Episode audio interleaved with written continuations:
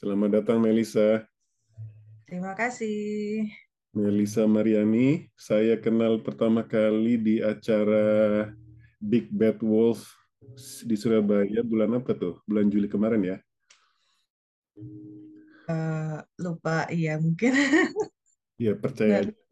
Uh, waktu itu acaranya Mizan yang membicarakan buku-buku klasik. Melisa ini mewakili Goodreads Indonesia menjadi salah satu pembicara di sana. Kemudian. Iya betul bulan Juli pertengahan.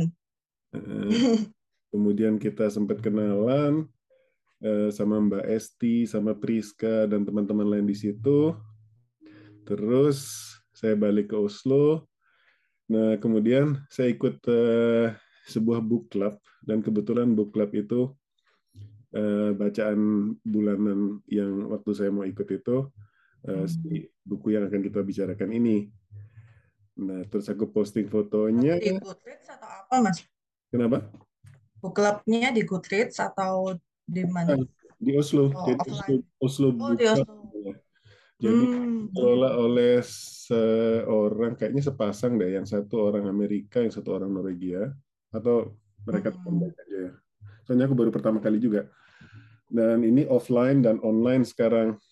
Awalnya sih offline, buku kat di aku ketemunya di meetup.com itu loh. Jadi banyak acara-acara event-event yang disediakan di situ, Oke. tergantung minat kita apa. Jadi gini, Melisa, waktu itu uh, aku posting ke Instagram, terus Melisa langsung menangkap, menyambarnya bahwa ini salah satu buku favoritnya. Waktu itu saya belum baca. Nah, setelah saya baca, aku mengerti kenapa itu buku favoritmu. Jadi marilah kita akan menghasut orang-orang yang akan mendengarkan percakapan ini supaya menyukai buku ini juga atau Oke. terus saya Semoga hasutannya berhasil nanti. itu tergantung kita ya. Terus eh, aku bukan orang yang eh, terlalu terganggu sama spoiler, tapi tentu saja ada orang yang terganggu sama spoiler. Tapi menurutku juga kalau nggak ngomongin sampai sedetil-detilnya yang bisa spoiling, itu juga kayaknya cuman dancing around the bush, Hmm. nggak benar-benar masuk. Jadi saya saranin gimana kalau kita the first half of the conversation kita berusaha dancing around the bush, nanti habis itu kita bilang setelah titik ini Oh, kalian berhenti dulu yang belum baca ya. Ah, Mbak, got it. Nanti di di YouTube-nya juga aku kasih tanda. Oke, gitu ya. Buku yang akan kita baca judulnya Rebecca oleh Daphne du Maurier. Oh, kamu punya edisi yang itu. Bahasa Inggris ya? Bahasa Inggris. Oke. Baru mau diterjemahin kan sama Misan, tapi nggak tahu itu gimana perkembangannya. Yang Oh, kemarin kata Esti itu di waktu acara BBW. oh itu salah satu yang kamu eh, usulkan. Ya, pas pas aku ngomong eh pingin Rebecca ini diterjemahin, terus Mbak Esti langsung langsung nyamber, oh itu lagi di- kita persiapin gitu. Nah, berarti kan boleh di apa ya informasinya boleh diteruskan ya, maksud ngomongnya sudah publik gitu kok. Ya, ya, ya. Jadi semoga segera deh. Lagian buku ini sudah public domain pasti ya. Hmm, I don't really know actually. Ngecek itu tahun 1998 diterbitkan pertama. Ya, 1938. Kalau misalnya aku ingat benar 70 tahun sudah jadi public domain harusnya sudah sudah nih. Oke, kita mulai dengan uh, kesan general kenapa menurut Melisa buku ini bagus. Eh, kalau kesan general, mungkin di acara BBW juga aku pernah mention kalau aku suka sekali dengan buku Jane Eyre. Mas Ilon sudah pernah baca belum? Sudah dan aku Oh, nggak sudah. tenggelam di buku itu, tapi itu diskusi yang berbeda ya. Oh iya. Nah, banyak kemiripan antara buku ini dengan Jane Eyre menurutku. Tapi ya bedanya juga banyak sih. Mungkin kalau miripnya karakternya tuh sama-sama ya orphan, nggak punya siapa-siapa. Terus dia ketemu dengan sosok pria yang jauh lebih tua dari dia. Mirip miripnya banyak sebenarnya. Nah, eh, lalu akhirnya dua orang ini jatuh cinta, terus eh, they agree to marry dan ya setelah itu jalan ceritanya sendiri-sendiri lah ya. Ah, lalu ada satu lagi yang uh, apa ya atmosfer yang dibangun oleh penulisnya Rebecca ini si Daphne du Maurier ini dan uh, Jane Eyre karyanya Charlotte Bronte itu juga mirip menurutku. Jadi uh, dari apa ya rumah atau mansion atau ya itu house-nya mereka itu yang yang brooding dan dark itu suasana salah satu suasana yang uh, aku suka gitu bacanya di dalam sebuah buku gitu. Aku suka suka uh, kalau kemarin Mbak Priska juga sempat sempat mention dia suka gothic literature ya. Aku juga suka. Dan itu bagiku uh, suasana yang brooding itu salah satu daya tarik utama gitu nggak tahu suka aja uh, ya mungkin itu sih kapan baca pertama ini dua tahun yang lalu barusan oh barusan dua tahun yang lalu ya, ya. Uh, agak mundur ke Jane Eyre ya karena itu nanti ya. jadi konteks buat saya aku percaya bahwa kadang-kadang buku itu menemukan pembacanya harus pada saat yang tepat juga gitu loh. Kalau misalnya si penerima pembacanya itu enggak memenuhi syarat-syarat tertentu ya, ini ini teori saja, bisa jadi nggak nyambung di situ.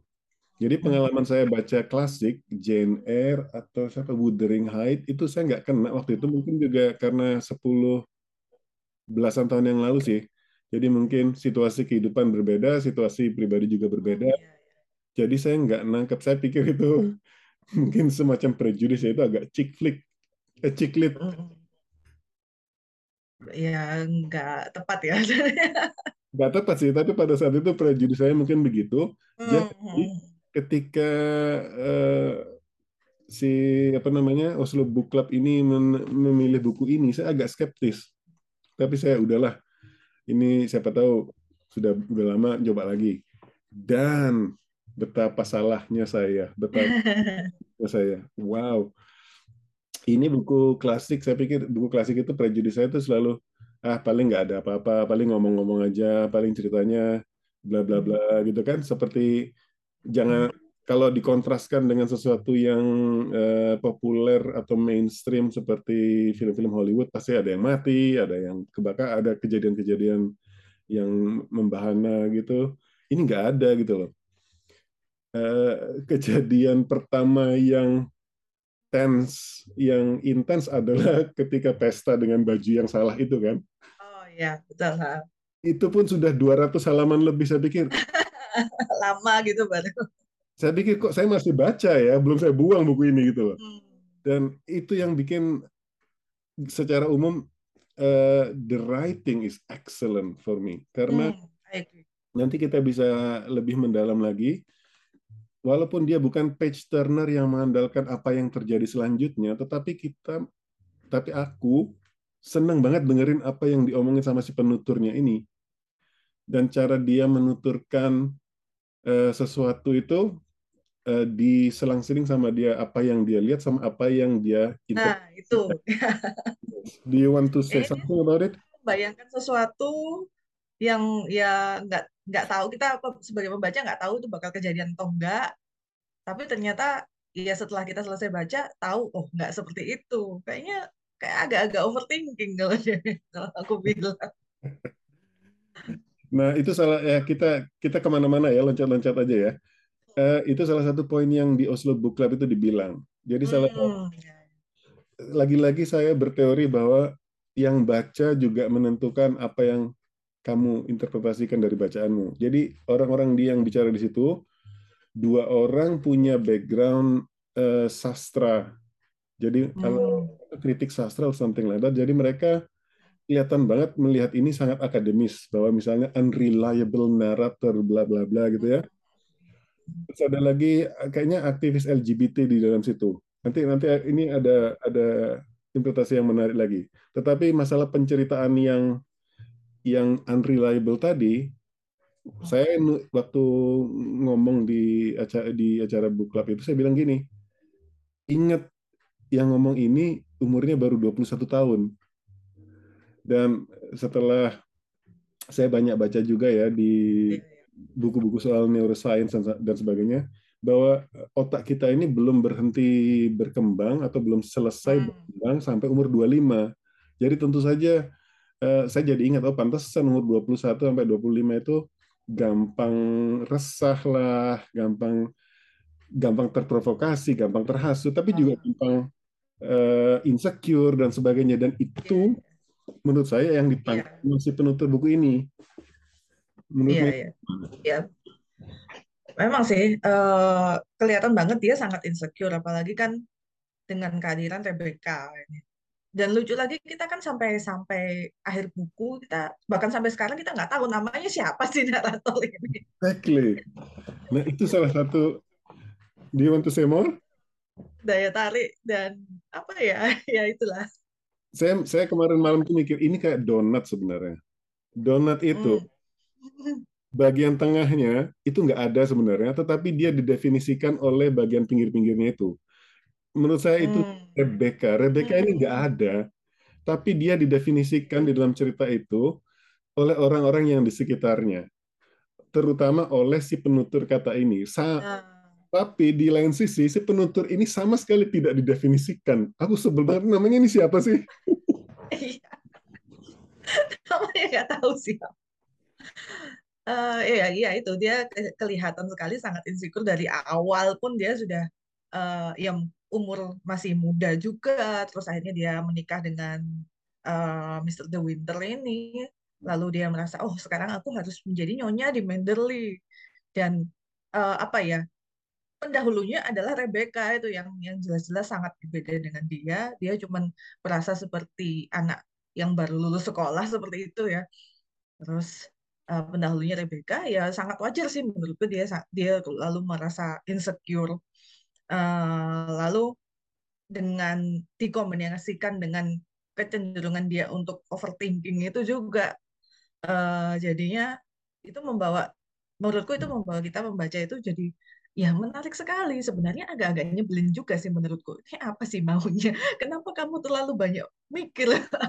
Aku sempat mikir seperti itu ketika membaca buku ini.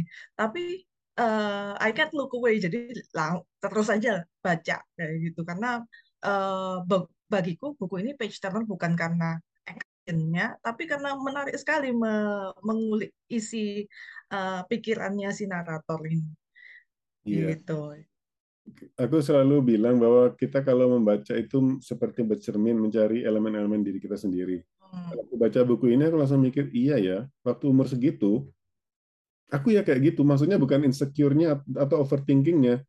What we call overthinking, itu setelah kita dewasa, kita melihatnya itu overthinking. Pada, pada masa itu, itulah cara dia bereaksi dengan dunianya, dengan uh, dunianya, Ya, ya, dengan bekal pengalamannya yang masih sedikit. Kalau kita renungkan baik-baik ya, orang-orang yang mengubah dunia itu rata-rata umur segitu. Karena mereka belum punya pengalaman yang cukup banyak untuk menegasikan atau untuk melihat mana yang fantasi, mana yang nggak mungkin gitu loh. Sama mana yang bisa dilakukan. Jadi hidup pada masa itu tuh masih kayaknya open ended. Kalau kita ngelihat orang-orang tua zaman itu, oke okay, mereka tua kasihan, tapi kita nggak akan pernah tua. Pernah nggak mikir kayak Ya, gitu? ya, ya. Iya, iya, ada, ada pemikiran seperti itu sih. Semua orang ini bakal bakal tua dan meninggal dan sakit kecuali saya. Itu umur segitu tuh masih masih percaya Hmm. gitu. Kayaknya masih self-centered juga banget ya. Maksudnya ya berpusat pada diri sendiri, masih belum terlalu mikir uh, orang lain ya, termasuk orang tua dan yang lain-lain gitu. Iya. Ingat nggak yang waktu adegan adegan dia ketemu neneknya itu neneknya ya neneknya si Maxim dan Beatrice. Uh, jujur lah gue lupa. Ya, ya. Jadi ceritanya aku kan baca ulang, tapi Hmm. belum sampai akhir, cuman baru sampai chapter berapa ini, baru sampai halaman seratusan aja. Iya, Itu ya. pun juga skimming. Jadi menurut aku, Jadi Pak, jadi menurut aku banyak banyak misalnya kayak tadi yang kita bilang dia dia mengamati sesuatu terus dia menginterpretasikannya. Itu salah satu yang hmm, bilang tadi soal orang tua tadi ya. Dia melihat oh orang tua itu begini ya. Dia tiba-tiba sangat filosofis di detik itu sebelum dia hmm. kembali eh, overthinkingnya tadi. Kalau kita bisa sebutnya overthinking. Iya, jadi kita sepakat tuh ya bahwa cara menceritakannya ini sangat menarik, Hmm. yang membuat kita nggak tahu apa yang akan terjadi berikutnya, apa yang akan dia utarakan berikutnya gitu loh. Sepakat nggak? Betul, sepakat. Itu yang bikin menarik dan ya penasaran terus. Selanjutnya ngapain lagi dia? Mikir apa lagi dia? Iya, plus eh, buku yang bagus menurut aku itu adalah buku yang membuat apa ya? Kalau klisenya tuh show don't tell. Jadi dia nggak ngasih Hmm. tahu begini loh kamu harus melihatnya, tetapi dia membuat kita ikut merasakan, ikut mencium baunya Hmm, ya, ya. ya. Happy Valley, ikut melihat, ikut merasakan ketakutannya ketika dia pertama kali ketemu dengan Mrs. Danver. Ah, Mrs. Danvers. Mm-mm. Jadi itu. Jadi eh, oke selain selain cara penceritaannya lagi menurut kamu secara general buku ini bagusnya karena apa? Eh, barusan disebutkan yaitu penceritaan, eh bukan penceritaan ya. Eh, bagaimana dia mendeskripsikan ya seperti alamnya atau suasana di dalam Manderley atau di, di apa ya eh, outdoorsnya itu juga itu dia eh, deskripsinya sangat detail dan aku memang eh, selama membaca buku klasik khususnya itu salah satu mungkin quality yang aku cari juga gitu. Jadi bisa mendeskripsikan alam itu alam itu secara detail, tapi nggak cuma detail aja, tapi juga beautiful gitu, Eh, kerasa indahnya gitu. Nah, dia melakukan itu lewat kata-kata dan I think that's amazing. Hmm. Mm-mm. Terus eh, jadi aku sebenarnya baca tiga kali nih jadinya. Karena baca pertama itu untuk untuk book club tuh yang full full buku. Dan menurut aku kalau kita melakukan eh, percakapan ini pada saat itu pas hangat-hangatnya itu pasti aku lebih nggak bisa berhenti ngomong ya. Karena banyak sekali temuan-temuan yang jadi baca ini kecil-kecil ya ceritanya kan suka melingkar-lingkar misalnya dia ngomongin ini terus dia mundur habis itu dia mundur lagi terus Ah, dia, ya, dia ya, mundur ya. lagi. Anehnya itu enak diikuti gitu loh. Nggak nggak Betul, membuat betul. uh, cognitive load. Jadi tadi gimana? Tadi gimana yang yang ke belakang terus nyambungnya lagi gimana? Menurut aku dia sangat mengalir. Kalaupun kita nggak punya ketertarikan sama klasik atau kita nggak punya preconception apa pun tentang buku yang bagus, cobalah baca Mhm. buku ini, kamu bisa baca gitu loh. Eh, menurut aku menarik. Kalau menurutku sih, ya kalau untuk klasik mungkin aku lebih banyak baca yang barat ya, Eh, maksudnya di Inggris Hmm. eh, dan eranya mungkin antara ya Jane Austen sampai Bronte itu Victorian, sorry, lebih banyak Victorian mungkin. Nah, kalau menurutku Rebecca ini bahasanya lebih jauh lebih gampang daripada Victorian itu. Kalau yang Victorian, aduh ini ngom, ngom- dia ngomong apa, belum lagi kalau sudah masuk ke logat-logat Inggris yang ya maaf ya desa-desa ya gitu, Eh, Yorkshire lah atau apalah ini. eh, ketika kita baca ini apa, nah Rebecca ini masih sangat lebih mudah dipahami kalau menurutku. Eh, beberapa tahun belakangan sih memang aku kurang ya, maksudnya nggak nggak seintens dulu baca klasiknya.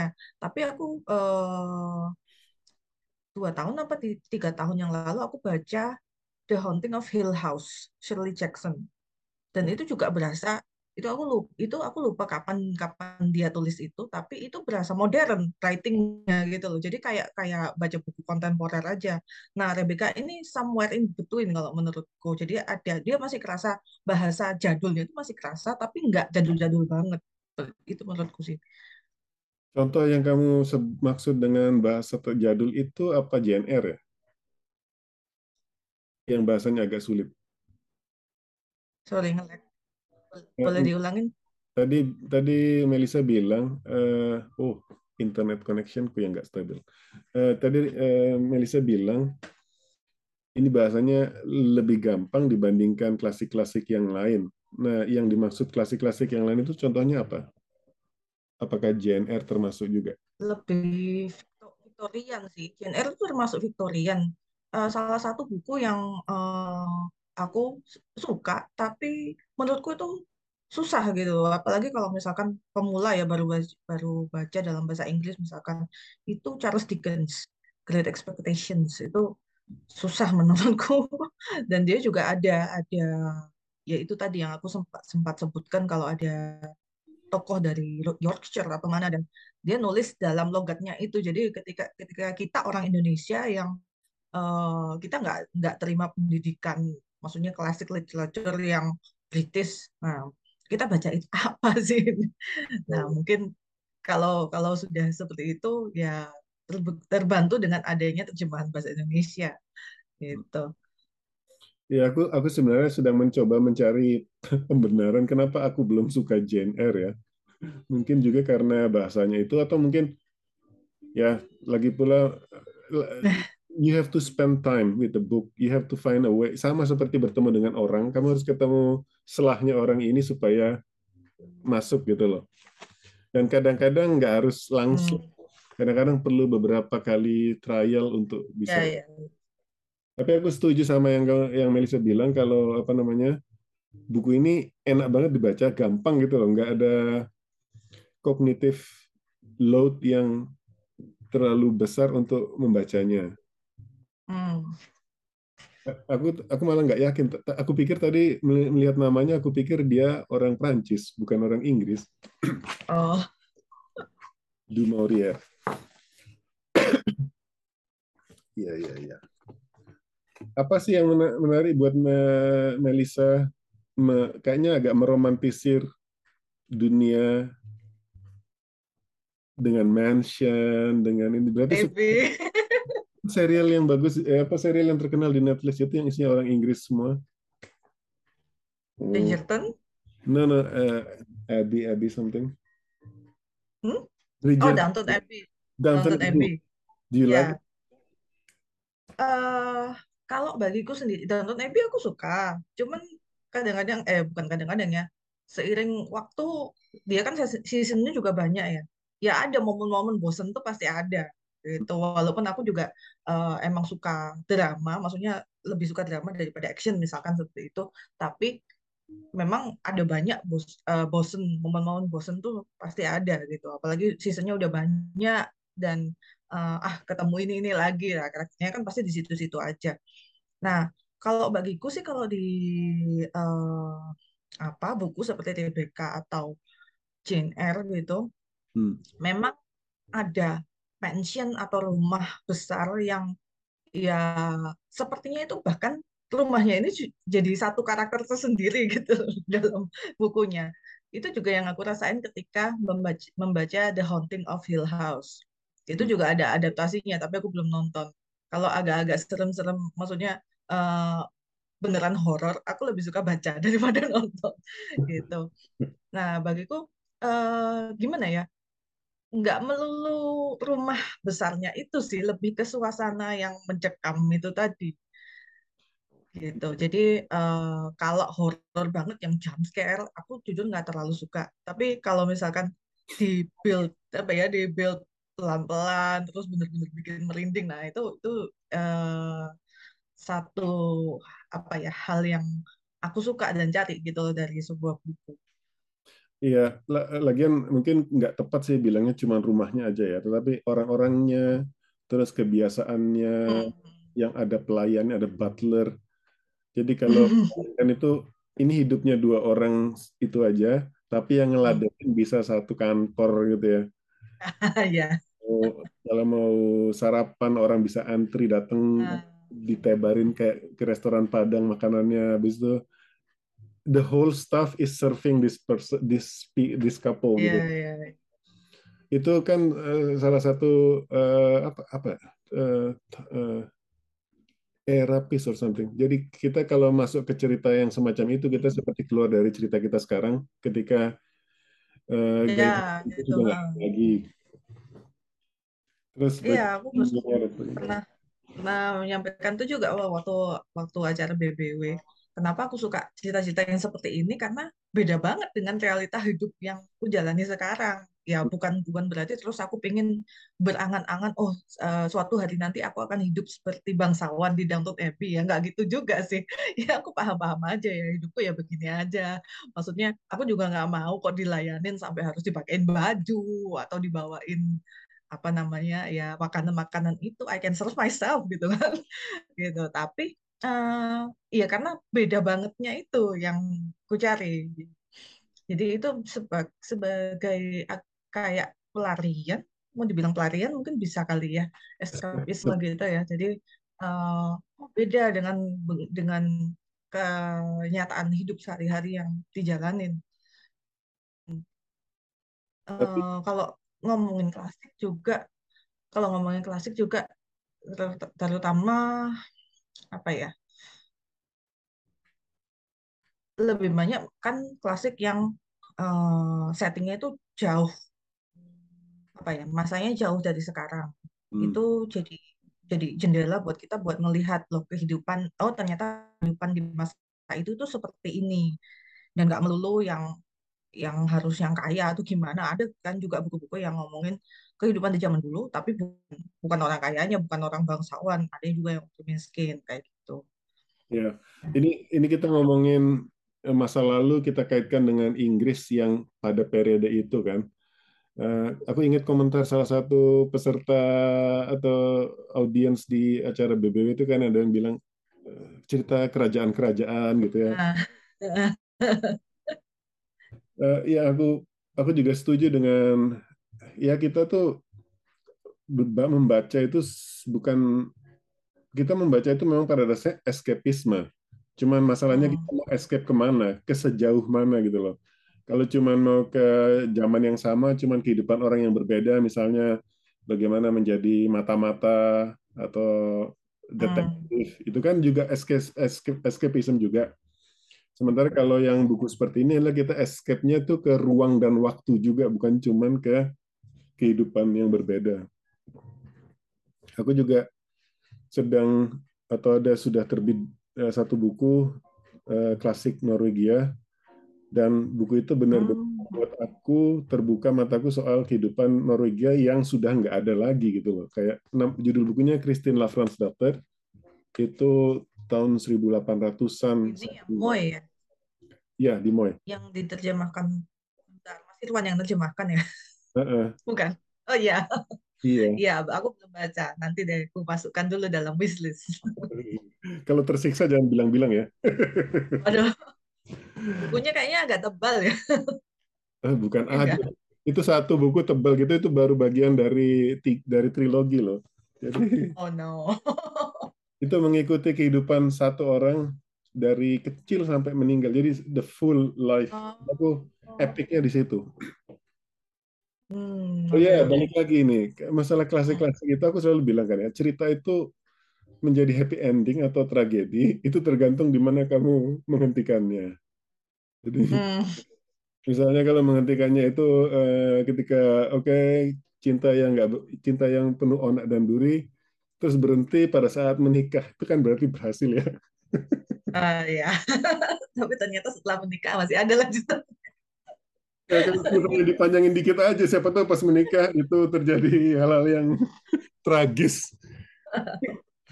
Dan itu yang terjadi di trilogiku ini. Oh gitu. Uh, Tapi sebenarnya itu belum belum selesai ya. Maksudnya satu buku satu buku baru ya itu baru buku pertama berarti ya. Oke. Okay. Baru buku pertama, eh, kayak aku nggak boleh bilang yang selanjutnya, tapi uh, aku akan minggu depan jadi ini sudah sudah mulai nih ada maraton Christine Lavransdatter Theater. Oh. Ada dua pilihan.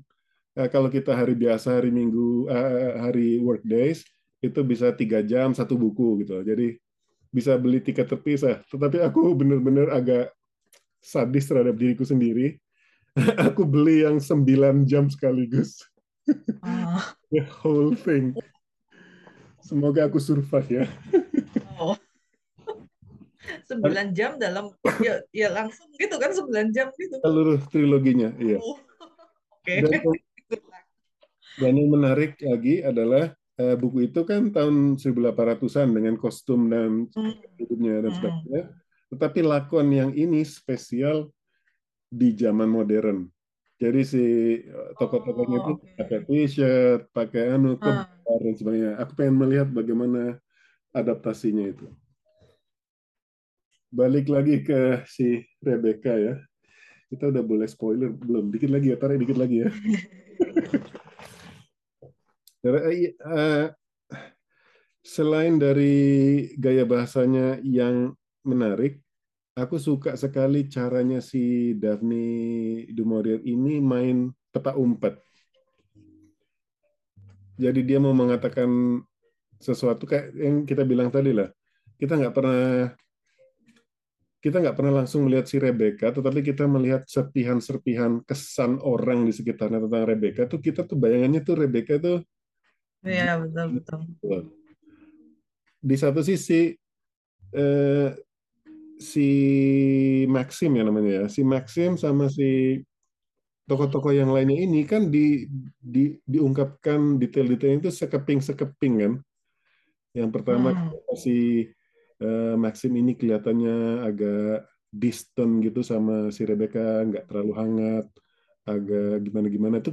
Tapi sesam, selama membaca kita jadi punya prejudis. Oh, pantasan dia udah tua, dia beda banget sama eh, anak yang masih baru besar, anak yang masih muda banget ini gitu loh. Aku aku merasakan itu, aku aware kalau selama kita membaca itu prejudis-prejudis kita ikut mm, ikut mem- ikut ikut sama kita gitu loh. Ikut mem- Hmm. menjadi interpretasi kita sampai ketika eh, itu diungkapkan yang yang sebenarnya diungkapkan. Do you feel the same? Hmm, kalau soal karakter, kalau Rebecca-nya sendiri iya, aku setuju. Kalau yang lain, eh, jujur ag- agak lupa sih. Oke. Dan, dan memang menurutku ya sesuai judulnya ini memang berkutat sama si Rebecca itu, walaupun eh, kita nggak kayak nggak ketemu langsung ya dengan Rebecca-nya, gitu. Ya idenya brilian sih menurutku ya. Jadi Daphne ini bisa bisa nulis sampai seperti itu, sampai eh, nggak ketemu langsung nih. Kita bisa bilang eh, tokoh utamanya Rebecca atau yang lain ya. Bingung juga sebenarnya. Ya namanya dia yang ada di di di judul, tapi kalau ngomong tokoh utama ya mungkin dia kali ya. Hmm. Eh, Hmm, agak bingung juga sebenarnya. Aku juga, menurut aku buku yang bagus itu bisa jadi nggak harus satu jawabannya. Kan hmm, bisa ya ya ya. sama Ya, siapa apa di situ. Dan Kalau tokoh-tokoh yang lain sih menurutku eh ya itu mereka semua berputar di Rebecca ini. Jadi eh, apa ya mereka nggak bisa berdiri sendiri ya. Mereka semua di define in a way uh, by Rebecca herself. Seperti itu menurutku sih. oke, aku agak, aku aku sekarang gini, salah satu tanda buku bagus adalah kalau kamu udah nggak baca lama tuh apa yang kamu ingat, apa yang tersisa dari ingatan itu menunjukkan kualitas buku itu juga. Eh, Hmm. Melissa tadi bilang agak-agak lupa. Mm-mm. Sekarang aku tanya apa yang nggak lupa, apa yang keinget, Yang apa paling ku ingat yang start book gitu. eh, aduh ini mulai masuk zona spoiler sih. Eh, udah deh masuk aja lah. Mas aja ya. Yang paling ku ingat itu adalah eh, overthinkingnya si narrator ini. Kalau kita bisa ngomong itu overthinking dan eh, ya sekali lagi aku mau membandingkan buku ini sama Jane Eyre. Kalau di Jane Eyre hmm, dia itu ya hampir sama maksudnya dia dia ketemu dengan seorang pria yang jauh lebih tua dari dia dan akhirnya mau menikah tapi bedanya di Jane Eyre kan sebelum sebelum pernikahan itu, itu terjadi ada sesuatu yang yang lain akhirnya nggak jadi kayak gitu nah tapi kalau di Eyre ya spoiler ya eh, kalau di Eyre dia itu akhirnya dia membuat suatu, pilihan yang eh, membuktikan kalau dia itu orang yang berprinsip kayak gitu nah sedangkan si narator ini kok beda. Jadi dia itu nggak akhirnya ngikut aja. Itu salah satu yang mungkin eh, apa ya? Aku merasa nggak seret dengan dengan si narator ini, tapi tapi dengan demikian story-nya itu ya terus berjalan seperti itu. Yang ku ingat sih, yang paling ku ingat itu ya apa ya konflik psikologisnya si narator ini di dalam Rebecca gitu. Kalau menurut aku agak, agak aku agak nggak setuju karena hmm. menurutku aku sekarang mungkin mengerti kenapa aku nggak terlalu suka JNR. Aku merasa hmm. ada, ada mengguruinya di situ. Hmm. Ada ya, ya, nggak salah. Oh, sepantasnya peran wanita itu begini, sepantasnya peran pria hmm. begini. Itu yang sering terjadi di situ. Sementara uh, si narator di Mrs. De Winter ini hmm. sangat unreliable yang membuat ceritanya jadi apa adanya tanpa ada filter ya, yang ya. begini hmm. harus jadi gitu. Dan jadi itu rasa, mungkin terasa lebih real gitu ya, lebih ya. bisa terjadi dalam dunia nyata gitu. Ya ya bisa jadi. Itu juga menurut aku uh, runtutan adegannya juga menurut aku bagus banget karena yang pertama ketemu di Monaco kan habis itu hmm. ketemu di Monaco tiba-tiba kawin aja gitu loh dengan ketemu sebentar itu uh, terus ya si si ya si Mrs. De Winter ini si narator ini kan sebenarnya sedang bekerja jadi pendampingnya Mrs. Um, siapa gitu loh. Van Hopper. Iya, Van Hopper yang orangnya kayaknya sosialita, social climber gitu kan, suka uh. Sebenarnya Mrs. Van ini sudah warning loh sama si narator ini. Oke. Okay. Mana ya? Iya, dia memberikan warning. Ya, dia merasa ya mungkin agak agak merendahkan juga. Ya kasarnya lu ini nggak mungkin mampu menyaingi Rebecca ya mungkin kasarnya seperti itu uh, apa sih dia melihat si narator ini nggak berpengalaman ya karena memang masih muda. Nah, terus tiba-tiba dia harus jadi menjadi nyonya rumah di Manderley, harus take over itu semua uh, urusan rumah tangga di Manderley. Nah, Mrs. Van Houten ini nggak uh, si narator atau Mrs. De Winter yang baru ini cut out for that role kayak gitu. Mana ya? Aku nggak sih. Aku nggak melihat itu sebagai warning Aku melihat mm -hmm. itu sebagai sebentuk jealousy. Oh. Karena menarik. Iya, iya. Memang dia jelas di bawah ini anak-anak yang enggak bukan siapa-siapa, anak yatim piatu yang tolong terus tiba-tiba dia mendapatkan nasib yang saya idam-idamkan karena dia kan uh. ingin berkoneksi dengan orang-orang besar-besar itu kan, orang kaya yang punya iya, kayak, ya, agak-agak pansos juga social climber gitu. Banget, dan itu sangat jelas. Dan ketika dia melakukan, dia mengutarakan adegan itu berpisah, terus dia bilang, hmm. kamu nggak akan itu, aku melihatnya Mrs. Van Hopper itu tidak berbicara atas kepentingan si si cewek ini. Dia ngomongin dirinya sendiri yang nggak mendapatkan itu gitu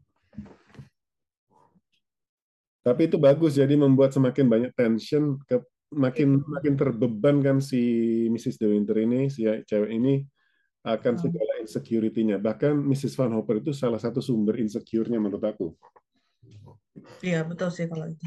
Mm -hmm. Setuju kalau itu. iya. Aku benar-benar aku aku ingin Oke, okay, aku ingin menggali lagi. Kamu bilang buku ini bagus. Apalagi yang apa yang terkesan gitu walaupun yang kamu kamu tadi bilang kan agak lupa ya. Nah uh-uh. biasanya buku itu memfilter yang bagus yang tinggal gitu loh yang membuat yang benar-benar membuat buku ini luar biasa menurutmu apa? Hmm, let me think about it.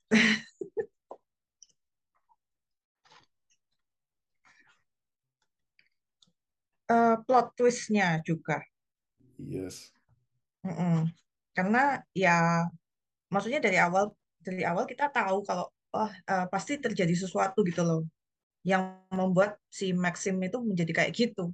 Tapi uh, kalau baca buku termasuk kayak baca Agatha Christie itu aku nggak pernah nggak pernah berusaha menebak-nebak pembunuhnya siapa kayak gitu. Ya pokoknya baca aja gitu.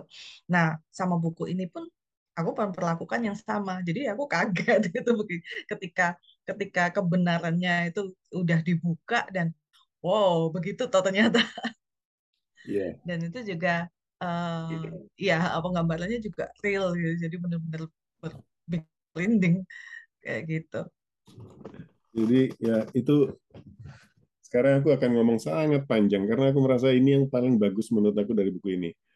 Yang pertama, okay. Kalau kita baca kayak tadi baca Agatha Christie dan sebagainya itu, uh, kita udah tahu masalah ini akan terpecahkan. Jadi aku ngapain repot-repot hmm. untuk memecahkan? Aku tinggal ngelihat di mana, hmm. aku tinggal hmm. memastikan apa yang aku lihat atau enggak gitu loh ketika membacanya. Nah, aku aku menyadari banget karena terus terang uh, aku memperhatikan teknik, jadi aku agak susah tenggelam hmm. ke dalam baca puisi, maksudnya ke rasa dan sebagainya itu, karena aku terlalu memperhatikan tekniknya, hmm. bahwa kata-kata apa yang dipilih, oh, okay. apa yang dia no, nah termasuk kalau dalam novel adalah oh. dia menyusun plot. Di awal kan si uh, siapa sih namanya? Namanya dia nggak ada ya. si cewek Mrs. De Winter ini kan ter kayaknya terhantui oleh Rebecca. Ini terhantui ya. bisa pun intended karena Rebecca itu dianggap sebagai hantu juga ya. Hmm. Uh, hmm. Terus dia melihat sikap-sikap staff di rumah itu, terutama Mrs. Denver itu agak uh, agak jahat sama dia bukan agak jahat ya, jadi kayaknya ketus lah dan sebagainya. Terus sampai dia dijebak. Ini spoiler alert yang baca sampai titik ini. Kalau nggak mau spoiler, matiin dulu ya. Terus eh, si Nah, ketika dia, dia kan bilang, oh jangan-jangan. Nah, ini ini tadi kita kan setuju bahwa dia overthinking ya. Jadi dia super sensitif, dia gampang merasa terancam, dia gampang merasa ini sampai detik tertentu, sampai titik tertentu di cerita, aku merasa dia overthinking soal Mrs. Denver. Aku merasa dia ini kayaknya uh, sensitif banget sih. Mrs. Denver kan memang harus kaku, dia seorang kepala hmm. di situ yang sangat uh, saklek sama oh ya nanti menunya harus begini harus begitu kan ya. itu ditangkap sama si tokoh ini sebagai uh, serangan sebagai attack gitu loh kamu bukan Rebecca Rebecca selalu milih saus mm. ini, Rebecca selalu milih ini, gitu kan? Sampai ketika dia dijebak, yang di pesta itu masih ingat kan? Ada mm Ya, ya, ya itu salah satu paling memorable. Pas dijebak itu, aku langsung bilang, loh, kok gitu doang sih? Berarti kan predictable nih, berarti kan bener. Aku udah tadi, padahal aku meragukan si kebenaran, aku meragukan keyakinan si pencerita ini bahwa Mr. Denver itu benar-benar jahat sama dia. Oh. Ya kan? Waktu itu aku sampai tulis di buku ini, oh, this is too predictable. Nggak lama sesudah itu, baru ketahuan siapa yang bunuh. Kan habis itu, habis acara itu kan uh, kapal yang terdampar, lalu orang bisa masuk ke bawah itu. Yeah. Damn! Jadi dia kayaknya ngelempar kecohan yang pertama, dia dia mau bilang, oh kayaknya ke pembaca nih, kamu rasanya bisa nebak ya ceritanya. Habis itu dibalik banget sama dia. Ternyata kamu nggak bisa nebak. Oh, ya, ya, ya. Betul, betul, betul. Itu momen aku setuju. Aku, wah, gila buku ini. Dan sesudah momen itu, nah ini paling bagus lagi. Sebelum momen itu, kayaknya Rebecca itu cantik, pinter, sociable, uh, pusat the bell of the boat. Mm. Mm -hmm kampung di sekitar Iya, ya perfect. The perfect woman lah. Tetapi sesudah momen yang dikecoh, habis itu di beneran plot twistnya itu yang membuat kita terkecoh, mm tiba Rebecca ini mm 180 derajat. Iya. Yeah. Dan yeah. kalau dia bikin bikin seperti itu sebagai penulis ya, mm yang di kepala kita tadi awalnya begini begitu indah sebenarnya terus tiba-tiba wow this woman mind blowing yes iya benar pada waktu aku pertama baca memang uh, jadi dulu itu aku bacanya di Kindle. Sebenarnya beli di Google Play sih, tapi waktu itu bisa ditransfer ke Kindle. Dan uh, waktu itu aku baca juga nggak nggak sampai yang take notes gitu. Aku pokoknya baca ya baca aja untuk enjoyment. Nah sekarang ini untuk yang yang sekarang yang aku baca ulang kan belum sampai situ. Menarik sih. Akan kulanjutkan yang jelas sampai selesai dan mungkin this time I will take notes lah. Jadi hal-hal yang menarik. Gitu. Kenapa? Artinya Kenapa? spoiler buat kamu. ah, apa bagaimana? I think I will kind of spoil, uh, give you a spoiler, but uh, karena aku sudah akan mm. menikmati caraku menikmati cerita ini. But anyway, mm. the point. Uh, itu lagi plot plot twistnya tadi tuh ya. Terus uh, mm karakter yang dibangun nggak aku nggak merasa semua karakter terbangun sempurna tetapi kayak si Maxim akhirnya kelihatan aslinya di situ nah adegan yang hmm. kamu nanti baca kalau baca lagi coba dicari ya ketika si si Maxim ini berterus terang sama istri barunya ini ketahuan kan Rebecca itu runtuh dari uh, singgasana perfect woman jadi evil. Oh. Oh. Oh. Reaksi pertama dari si narator ini. Si narator ini memikirkan dirinya sendiri. Si narator ini nggak melihat Rebecca. Si narator ini, oh, ah. berarti sekarang Maxim bisa jadi punyaku. Karena Rebecca itu sudah uh. Karena dia sangat egois. Jadi ada ada paragraf yang bagus banget yang bisa ngeliat itu kayak misalnya ada bencana alam di mana-mana terus tiba-tiba look at me I'm tweeting I'm giving uh, uh, uh.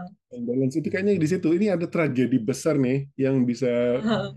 bisa membuat semuanya rusak tetapi pada satu momen kecil itu dia memikirkan dirinya sendiri jadi pada saat itu dia langsung dia langsung pede dari insecure jadi pede dia berani ketemu Mrs. Hmm. ya kan sampai itu Mm-hmm. sama si Maxim loh. Si Maxim saya bilang gini, you know why I married you? Because you're so innocent, bla bla bla. And oh iya iya, aku ingat itu. Yes, and that woman is itu.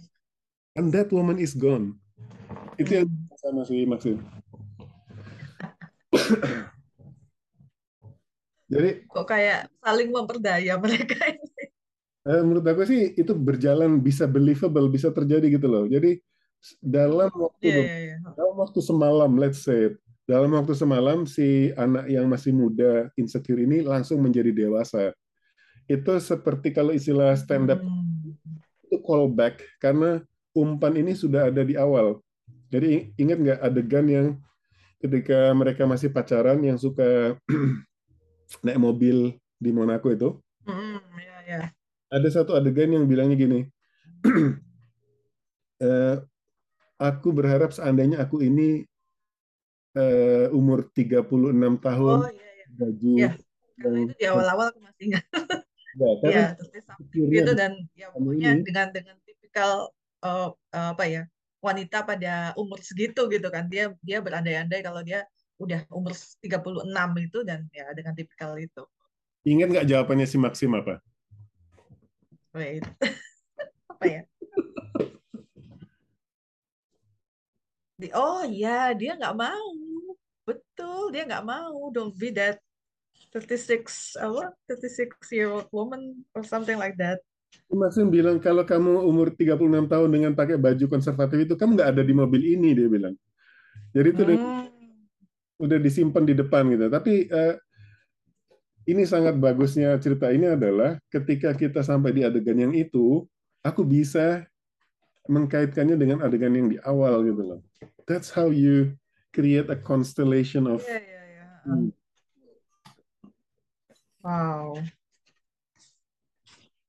It's even more amazing than I thought it would be. exactly right. Jadi waktu harus baca buku-bukunya yang lain beneran. itu kesimpulanku yang sama juga. Jadi hmm. aku aku jadi membaca sedetil ini ketika menerjemahkan buku klasik juga karena hmm. Eh, buku yang aku terjemahkan itu melakukan trik yang sama. Jadi dia melakukan sesuatu yang di awal kita kira toko ini kayak gini, tetapi dia bisa merubahnya 180 derajat Ah, kemudian. Dan dia melakukannya eh, simultan di di buku ini. Jadi tentu saja Rebecca yang kelihatannya sebagai wanita sempurna dan sebagainya ternyata dia wanita yang liar yang begini begitu begini begitu. Terus eh, eh, yang kecil-kecil kayak si Maxim tadi, si Maxim tadi hmm. ini dan perubahan kecil si tokoh utama si narator itu juga aku perhatikan karena dia adalah suara utama kan dari semua kejadian. Hmm. Baca lagi, ayo. Ternyata masih ya ini karena menikmatinya ya cuma nulis baca aja, nggak nothing serius gitu ya. Tapi ternyata banyak hal yang bisa dikupas di dalam. Ini salah satu motivasi utamaku untuk bikin podcast ini karena aku aku aku bisa menyarankan ada sebuah acara radio yang dijadiin podcast. Eh, namanya Bookworm KCRW, saat radio di Amerika. Itu namanya somebody Silverblood gitu ya. Jadi si Steven Silverblood ini, si pembawa acaranya ini mewawancarai eh, semua orang-orang besar di dunia buku lah. Jadi Salman Rushdie, Orhan Pamuk, eh, siapa yang meninggal itu? Eh, yang bunuh diri. Eh bukan. Ya, banyak yang bunuh diri. Jadi dia bikin buku tebal banget. Ya banyak lah, semua penulis-penulis ini. Kalau dengerin cerita dia, jadi aku merasa si Silverblood ini hidupnya cuman kayaknya dia nggak berkeluarga, nggak punya anak juga. Ibu itu baca buku terus karena acara ini mingguan. Jadi dia harus baca buku dan ketika dia mewawancari satu penulis, dia bukan baca satu bukunya saja, dia baca semua buku penulis itu sebanyak. Jadi Kayaknya membaca tuh udah setengah bernapas lah sama dia. Ah, Terus yang paling eh, mencengangkan adalah ketika si penulis yang diomong diajak omong sama dia itu tercengang. I didn't think about it before.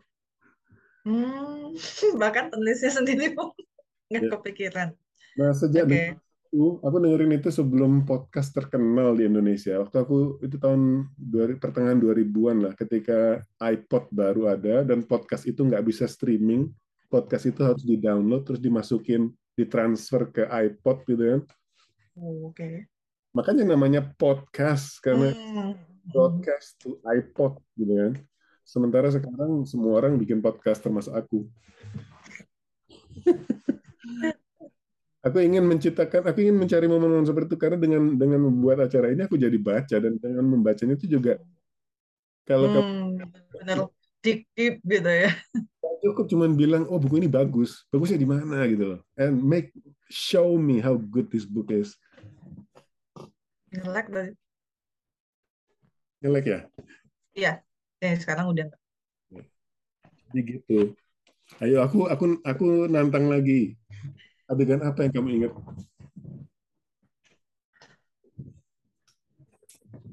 Pesta? Oke. Pesta tapi ya nggak nggak inget-inget banget sih. Adegan apa yang paling kuat? Apa yang paling mencengangkan yang nggak bisa lupa? Ya tentunya di pesta itu yang dia ditipu. Oh, Yang dia pakai baju itu ya. Iya. Hmm. bajunya ternyata putih ya karena kan eh, aku nonton adaptasi Netflix tapi nggak nggak terlalu bagus sih menurutku iya bagusan bukunya jauh nah di adaptasinya ini bajunya jadi merah ya mungkin lebih ikonik gitu mungkin ya jadinya mereka milih merah tapi setelah aku apa lihat lagi ke bukunya oh bajunya putih kok bukan merah Oke, kita bisa ngomongin adaptasi Netflix. Aku sebenarnya ada ada di agendaku untuk ngomongin adaptasinya itu. Cuman eh, ya udah kita kita langsung aja lah ya. Kita maju mundur. Nanti kalau mau ngomongin yang lain ngomongin yang lain. Karena menurut aku sayang sekali kalau kamu udah baca tamat lagi, banyak yang bisa digali dari ini doang. Dan itu makanya aku aku aku bilang butuh waktunya sampai kapan? You have to read it. Nggak perlu dike, nggak perlu nggak perlu dikejar target baca buku ini karena aku merasa ini buat kita bukan buat ngomongin buat orang lain gitu loh. If you enjoy the conversation, it's for us. It's not for others.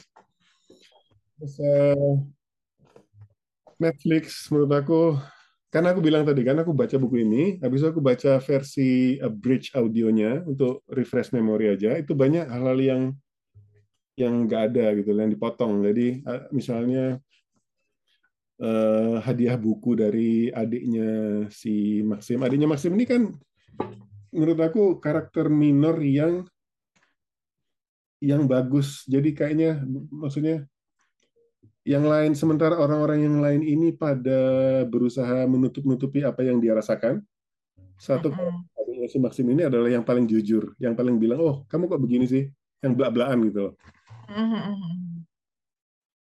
dan dia jadi agent yang bagus ketika uh, dia yang merefleksikan kenapa si Maxim itu uh, karakternya begini yang di di overthinking lagi sama si uh, itu kan.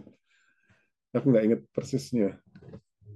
Tapi eh, menurut aku kalau kalau baca lagi coba dilihat dinamika karakter-karakter ini. Karena yang bagus dari buku ini adalah mereka seperti saling melempar umpan. Oh karena karakternya begitu dia jadi ngomongnya begini yang membuat informasi itu available.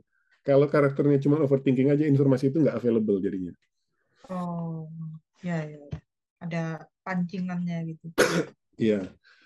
Terus menurut aku uh, yang nggak yang beda banget sama Netflix adalah Netflix ini lebih lebih dikondens lagi cuman 90 menit atau 120 menit gitu loh. Kalau buku ini dibaca full uh, audiobooknya pasti 10 jam lebih. Buku yang aku baca itu cuman 4 jam, berarti kan sudah banyak yang dibuang.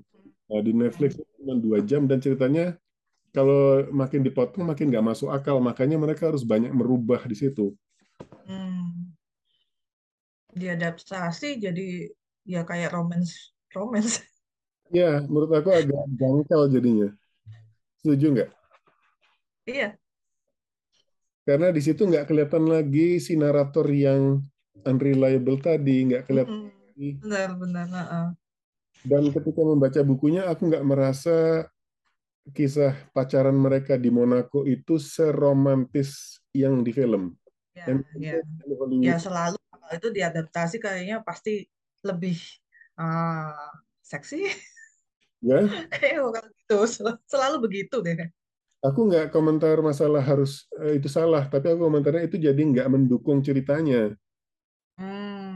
Karena di cerita buku ini dia harusnya masih tetap sanksi sama apakah si uh, Maxim ini benar-benar cinta sama dia. Karena itu salah hmm. insecure-nya dia sama di Manderley kan. Ya, ya. Nah itu yang di Netflix adaptasinya itu tiba-tiba dia harusnya nggak punya konflik di situ karena dia udah yakin di masa pacarannya si Maxim ini benar-benar cinta sama dia gitu nggak ada lagi misterinya terus ditambah-tambahin harus ada sleepwalkingnya lah apalah yang menjadi sumber yang nggak ada di buku kan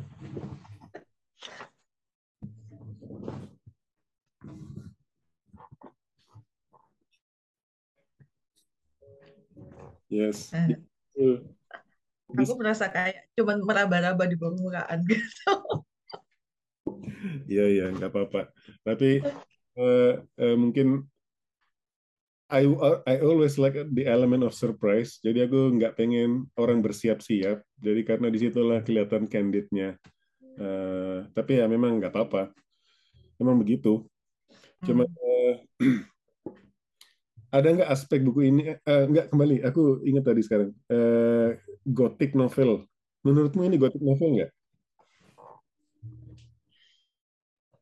iya karena uh, ada elemen-elemen yang mendukung di dalamnya walaupun uh, apa ya I think it's much more than that jadi kalau elemen-elemennya ya itu tadi mansion atau rumah itu yang yang uh, agak creepy begitu. Lalu uh, elemen lain tuh kayak ada naratornya ini dia damsel in distress-nya. Oh, Terus apa lagi ya yang iya itu yeah. yang pernah aku baca sih elemen-elemennya gothic literature itu seperti itu yang barat. Tapi kan pasti pasti maksudnya buku-buku itu pasti kan juga berkembang gitu nggak nggak berhenti di situ aja. Uh, jadi menurutku iya ini Rebecca ini masuk di dalam kategori itu. Tapi karena dia uh, apa ya psychologicalnya itu sih yang lebih bikin itu yang apa ya menjadi menjadi definitionnya si Rebecca ini, ini sebenarnya. Sorry ada yang oke tadi ada notif. Hmm, nggak kerekam kok. Kamu nggak share screen. Iya. Uh, hmm? waktu waktu di acara Oslo Book Club itu yang akademik ngelak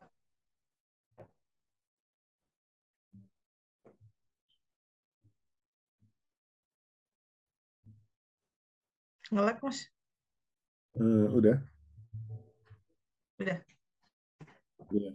aku tadi bilang waktu acara di book club itu orang-orang yang yang akademisi tentu saja terbiasa untuk berpikir teknik yang akademik. Kalau aku tekniknya teknik penulisan kan. Teknik akademis itu yang oke, okay, apa pesan moralnya buku ini? Uh, apakah dia hmm. Apakah bagaimana caranya menilai buku ini dari kacamata kontemporer? Do you think about this kind of topics or not?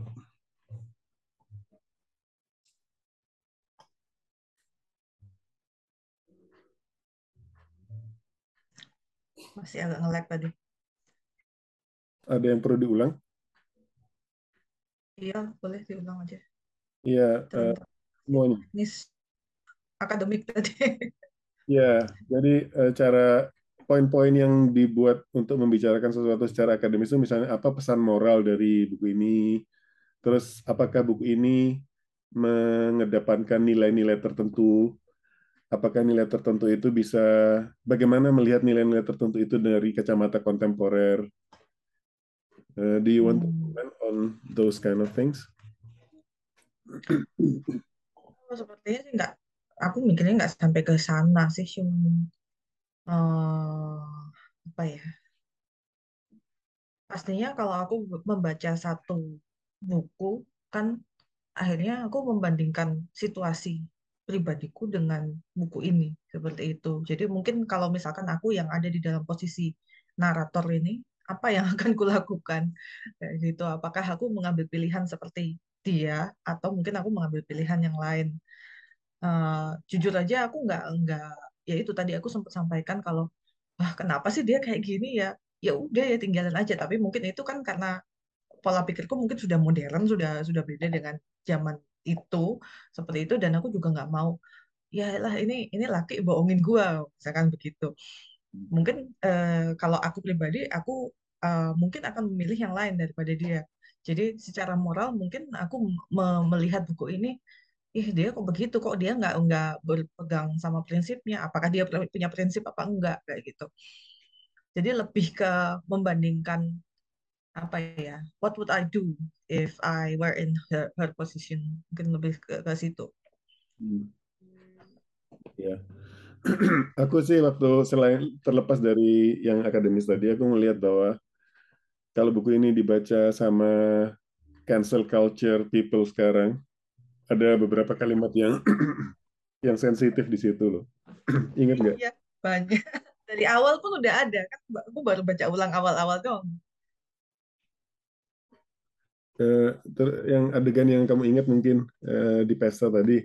Kan suami hmm. suaminya suami adiknya itu siapa namanya? Giles. Hmm. dia kan mau par uh, si sama si si adiknya pun akan memakai baju orang Arab kan yang pakai cadar.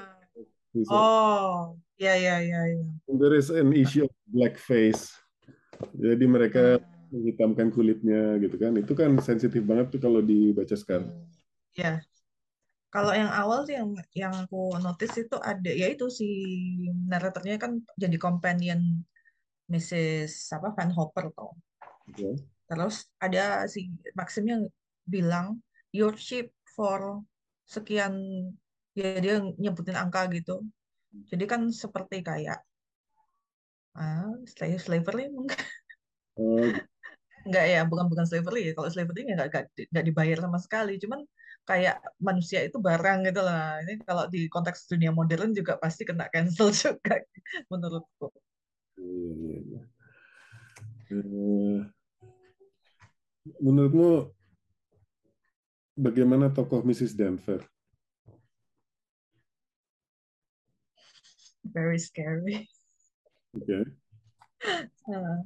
Lalu apa ya? Awalnya memang kayak nggak ketebak gitu dia bener-bener uh, karakter yang gimana ya? Yang jelas bikin ya daripada hantu, hantu dalam tanda kutipnya si Rebecca ini lebih serem Mrs. Denver kalau menurutku. Terus ternyata kan setelah uh, apa story-nya berjalan kita tahu kalau dia itu sangat-sangat setia pada Rebecca bahkan udah kayak di luar kewajaran seperti itu. Okay, the keyword there. Hmm? Uh, tadi barusan menurut aku kata kuncinya barusan kamu sebutin di luar kewajaran. Karena salah satu hmm. kita menilai atau cara kita membicarakan karakter-karakter di dalam sebuah novel adalah orang ini motivasinya apa, orang ini apa yang dia cari gitu loh. Hmm. Can you elaborate more about Mrs. Denver? Hmm. Yang yang mana yang menurutmu di luar batas kewajaran itu? Uh, ya karena dia sangat setia pada Rebecca ini bahkan setelah Rebecca-nya nggak ada dan aku lupa uh, adegannya apa tapi benar-benar ada adegan yang dia itu apa ya uh, berbicara kalau seakan-akan Rebecca-nya itu masih ada. Aku ingatnya begitu. Semoga aku tidak salah ingat. Psikotik gitu ya. Ya. Nah, masalahnya di buku ini nggak ada uh, apa yang kutandai itu nggak ada. Sementara Kindle itu ketinggalan di kantor, jadi aku juga nggak tahu itu di mana itu. Uh, apa namanya quote-nya itu. Ada di bagian-bagian akhir itu benar-benar kita melihat oh sampai gila itu dia uh, apa namanya kesetiaan dia pada Rebecca. Kamu udah baca, udah nonton tuntas nggak yang di Netflix? Udah, tapi ya nggak terlalu gimana ya, nggak nggak impressionnya nggak terlalu dalam sih. Ya, maksudku ada detail di situ tentang uh, eh, Mrs. Denver yang nggak ada di buku. Mrs. Denver kan hmm. dari tebing itu kan. Menurut, hmm. menurut aku si yang bikin film membuat memilih uh, ekspresi lain soal ketidakwajarannya si Mrs. Walker itu. Kalau kamu anak buah, kamu secinta itu sama bosmu, mau sampai loncat tebing kayak gitu gitu. Ya kan? Itu kan di luar batas kewajaran seperti yang kamu bilang. Nah, di buku mungkin nggak seperti itu, tapi ada ada ekspresi yang lainnya. Si film ini dengan lebih gampang, oke, okay, caranya mengekspresikan di luar batas kewajaran, dia bunuh diri sampai loncat ke itu. Setelah membakar Manderly tentu saja. That's the most spoiler of all.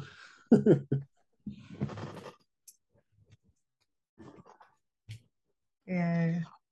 Yang menarik buat aku adalah kita balik lagi eh, soal cara orang membaca ya, terus cara orang memaknai apa yang dia baca di acara Oslo Book Club itu ada seorang yang memperkenalkan dirinya di awal sebagai aktivitas LGBT.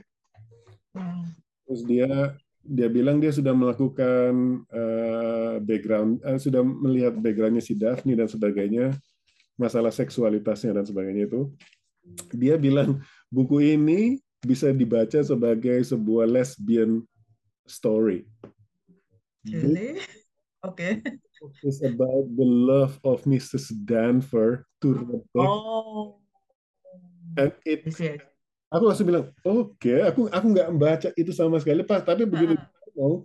sumber konfliknya itu si Mrs. Danver kan, Mrs. Danver itu sumber tensionnya. Mrs. Danver itu yang membuat insecure-nya si Mrs. Hmm. Makin jadi. Terus puncaknya adalah di uh, acara yang pakai gaun salah itu Habis hmm. semuanya dihukum. Itu Mrs. Denver kan langsung kelihatan keluar tanduknya kan. Hmm. Hmm. Will never replace Rebecca bla bla bla. Hmm. Udah mulai kelihatan nggak wajar. Kalau kamu secinta itu sama bosmu, yang dia bilang, Hmm. butuh saya sisirin, yang begitu-begitu. This is more than just a job.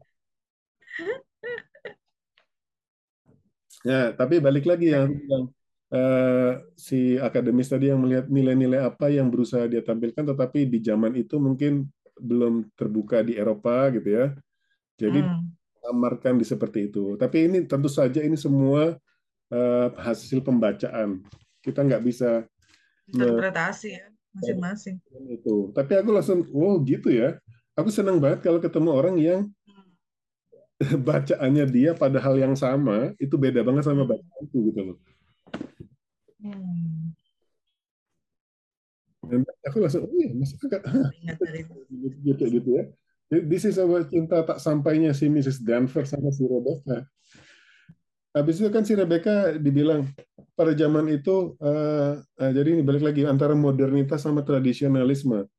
Eh, buku ini memberikan atau ketika Rebecca sudah jadi evil, ketika sudah terbuka eh, siapa eh, belangnya Rebecca, bahwa dia itu punya pacar banyak di London dan dia kawin sama si Maxim ini cuma transaksi aja. Saya urusin supaya kamu punya Manderley ini eh, hidup, tetapi gaya hidup saya di London tetap saya lakukan. Jadi punya pacar termasuk pacaran sama sama siapa sepupunya si Van aku lupa namanya. Iya, Ya, ya, ada. Aku juga lupa namanya. Nah, tetapi si Mrs. Denver ketika dia marah-marah sama si Rebecca itu yang setelah kejadian gaun itu dia kan bilang you will never never replace Rebecca bla bla bla. Rebecca itu mempermainkan aja semua laki-laki yang dia pacari termasuk suaminya itu. Dan Hmm. sama temanku yang membaca tadi itu dia bilang itu karena Rebecca tidak suka sama laki-laki sebenarnya, tetapi karena pada masa itu eh, seorang perempuan harus bersama laki-laki dipermainkan aja semuanya. Itu itu bacaan dia loh. Oke, iya, iya. Interesting. Jadi ya, Ya, bisa beda banget. asik kan ngomongin buku lebih dari sekedar oh buku ini bagusnya karena ini atau cuman bilang buku itu bagus tuh nggak memuaskan sama sekali jawabannya. Hmm. Terus ada lagi eh, yang menarik ya eh, soal being old. Jadi aku apa? ini adalah bahwa Rebecca ini orang yang hidup mengikuti hasrat. Jadi Hmm. ya terlepas apakah dia lesbian atau enggak itu nggak ada nggak ada kata putusnya. Tetapi dia kan tampilannya secara publik adalah istri yang baik yang mengikuti semua pikiran suaminya atau mendukung suaminya membuat kehidupan Manderley itu luar biasa. Tetapi dia punya pacar di London ternyata dia punya pacar di rumah eh, dekat pantainya itu gitu kan. Menurut orang-orang yang Sasa itu bilang ini mewakili modernitas melawan tradisionalisme. Jadi kalau zaman Hmm. kita punya agency bisa memilih pada zaman itu Hmm. menjadi istri itu seperti pekerjaan gitu loh. Kalau kamu udah jadi itu ya pekerjaan Iya, ini ini kamu harus melakukan itu gitu loh. Kamu nggak punya hasrat itu nggak ada lagi gitu loh. Oke, Hmm. di satu sisi itu kan dia mengikuti hasratnya dengan eh, transaksi dengan si Maxim tadi. Nah, ada sisi lain dari mengikuti hasrat itu adalah bahwa kamu itu nggak ingin menjadi tua. Jadi ketika ada isu yang memper di pengadilan kan yang membuat yang mempertanyakan benar nggak dia bunuh diri, benar nggak dia dibunuh, gitu kan? Terus Hmm. yang membuat orang lebih percaya kalau dia bunuh diri adalah kata-kata si Mrs. Danver, yaitu ketika dia mendeskripsikan Rebecca, Rebecca ini full of life, tapi dia takut sekali sama menjadi lemah, menjadi tua dan Hmm. dia akan memilih untuk mengakhiri hidupnya Hmm. ketimbang harus menjalani Baru kehidupan. ingat aku bagian ini. Aku sekarang menspoilmu. Dan itu langsung jadi percaya oh that's why and then ketika dia akhirnya dokter itu menemukan di awalnya kan dipikir dia hamil dan dia mengaku Hmm, dia hamil sampai dia ditembak eh, ternyata dia sakit. ternyata dia sakit dan lah jadi simpul-simpul kecil ini like lagi ya. Simpul-simpul kecil ini membuat ceritanya jadi jalinannya bagus banget gitu loh. Eh, orang tahu Hmm, yang ditipu bahwa dia sebenarnya dibunuh tetapi orang yang membaca ini harus menerima bahwa orang-orang di sekitar itu percaya bahwa dia bunuh diri. Karena eh, clue-cluenya cocok semua.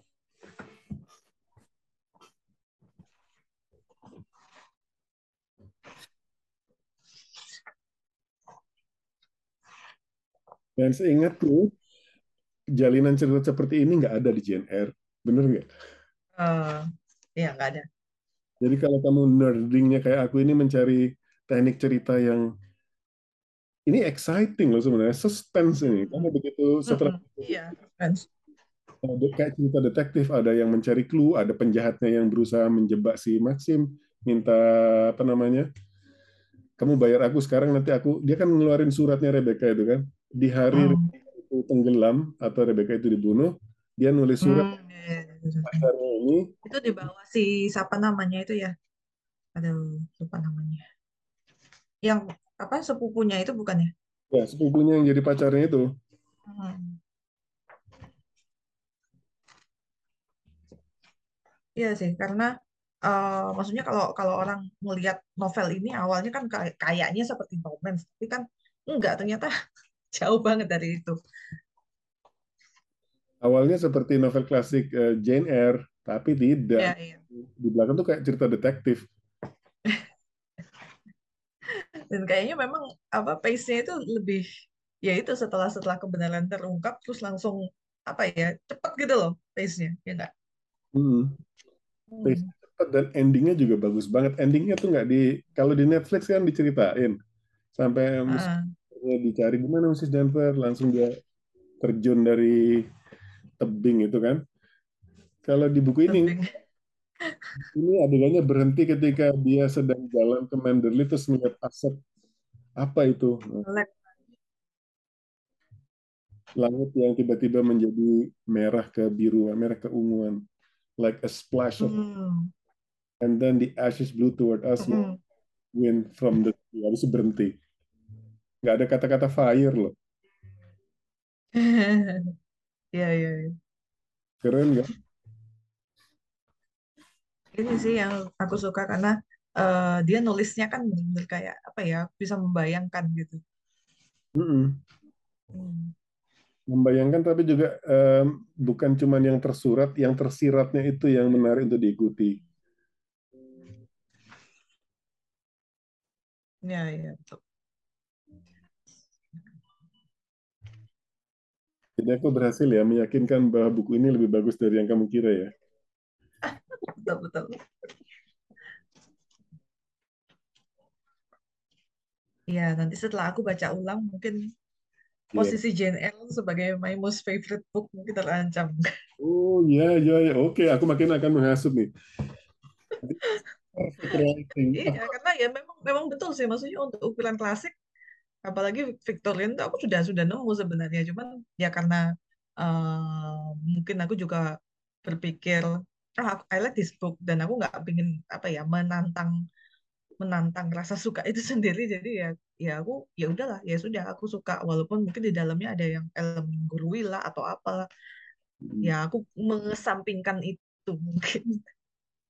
Yang aku tangkap dari eh, buku-buku itu sama lah kayak buku kita. Eh ya, Ma- maksudnya mungkin terlalu judgmental kali kalau bilangnya oh buku ini menggurui.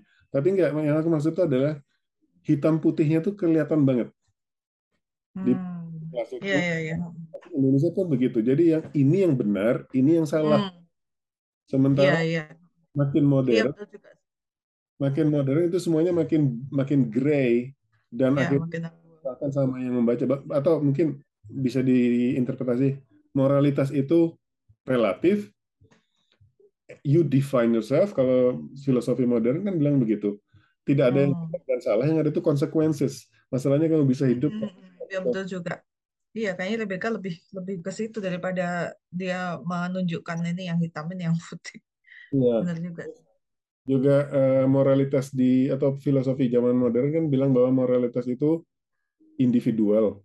Jadi nggak bisa so, moralitas itu diterapkan s- apa namanya universal untuk semua orang karena tiap individual punya situasi dan macam-macamnya sendiri gitu loh. Dan itu yang menurut aku tercermin dari novel ini. Novel ini tidak ada moralitas, tidak ada ajaran moral harusnya begini gitu sama sekali. Tapi dia menangkap itu bahwa misalnya ekspektasi tetangga-tetangga di sekitarnya atau Hmm. Perfect woman tuh kayak Rebecca gitu loh. Kamu bikin pesta, Ya, ekspektasi staffnya Manderley juga kan. yes, Mereka dari awal sudah memban- membandingkan si narator ini dengan Rebecca. ya. Dan tidak ada orang yang atau tidak ada tokoh yang mengatakan bahwa seharusnya seorang wanita itu begini. Tidak. Tapi eh, diksinya adalah, oh Rebecca itu melakukan ini. Tapi karena di Ah, awal kita selalu merasa bahwa Rebecca itu the perfect woman, seakan-akan buku ini suggesting bahwa itulah yang benar gitu loh. Jadi ah, jadi nyonya bang nyonya Ningrat itu harusnya begini gitu loh. ah. Tapi ternyata terus ada plot twist jadi kebalik semua gitu. Iya. Ya, itu penulis biasa. dia dia nggak ngomongin itu dia dia nggak bilang tapi dia ber- berhasil menanam Hmm. ide itu di kepala kita selama membaca habis itu ditaruh Hmm. dia Hmm. Ah, berasa dikerjain aku. maksudnya sama Daphne. aku Sama Mas Irwan juga. Oh enggak. aku, aku menangkap soalnya eh, Hmm. Iya, aku juga enggak. Maksudnya sebelum ini aku juga enggak berpikir sampai ke situ sih gitu. menangkap kamu Melisa maksudku Kenapa? Itu begitu kamu komen di postingku di Instagram itu oke let's go ada yang mau ngomong nih No. ya tapi aku juga ya semoga bisa apa namanya aku sering mengikuti eh, Instagram buku dan sebagainya itu juga kadang-kadang ada yang terbatas sama format ada yang terbatas sama waktu gitu loh jadi ya untuk sekedar nyesel-nyeselin waktu itu kita bikin-bikin pertanyaan gitu loh.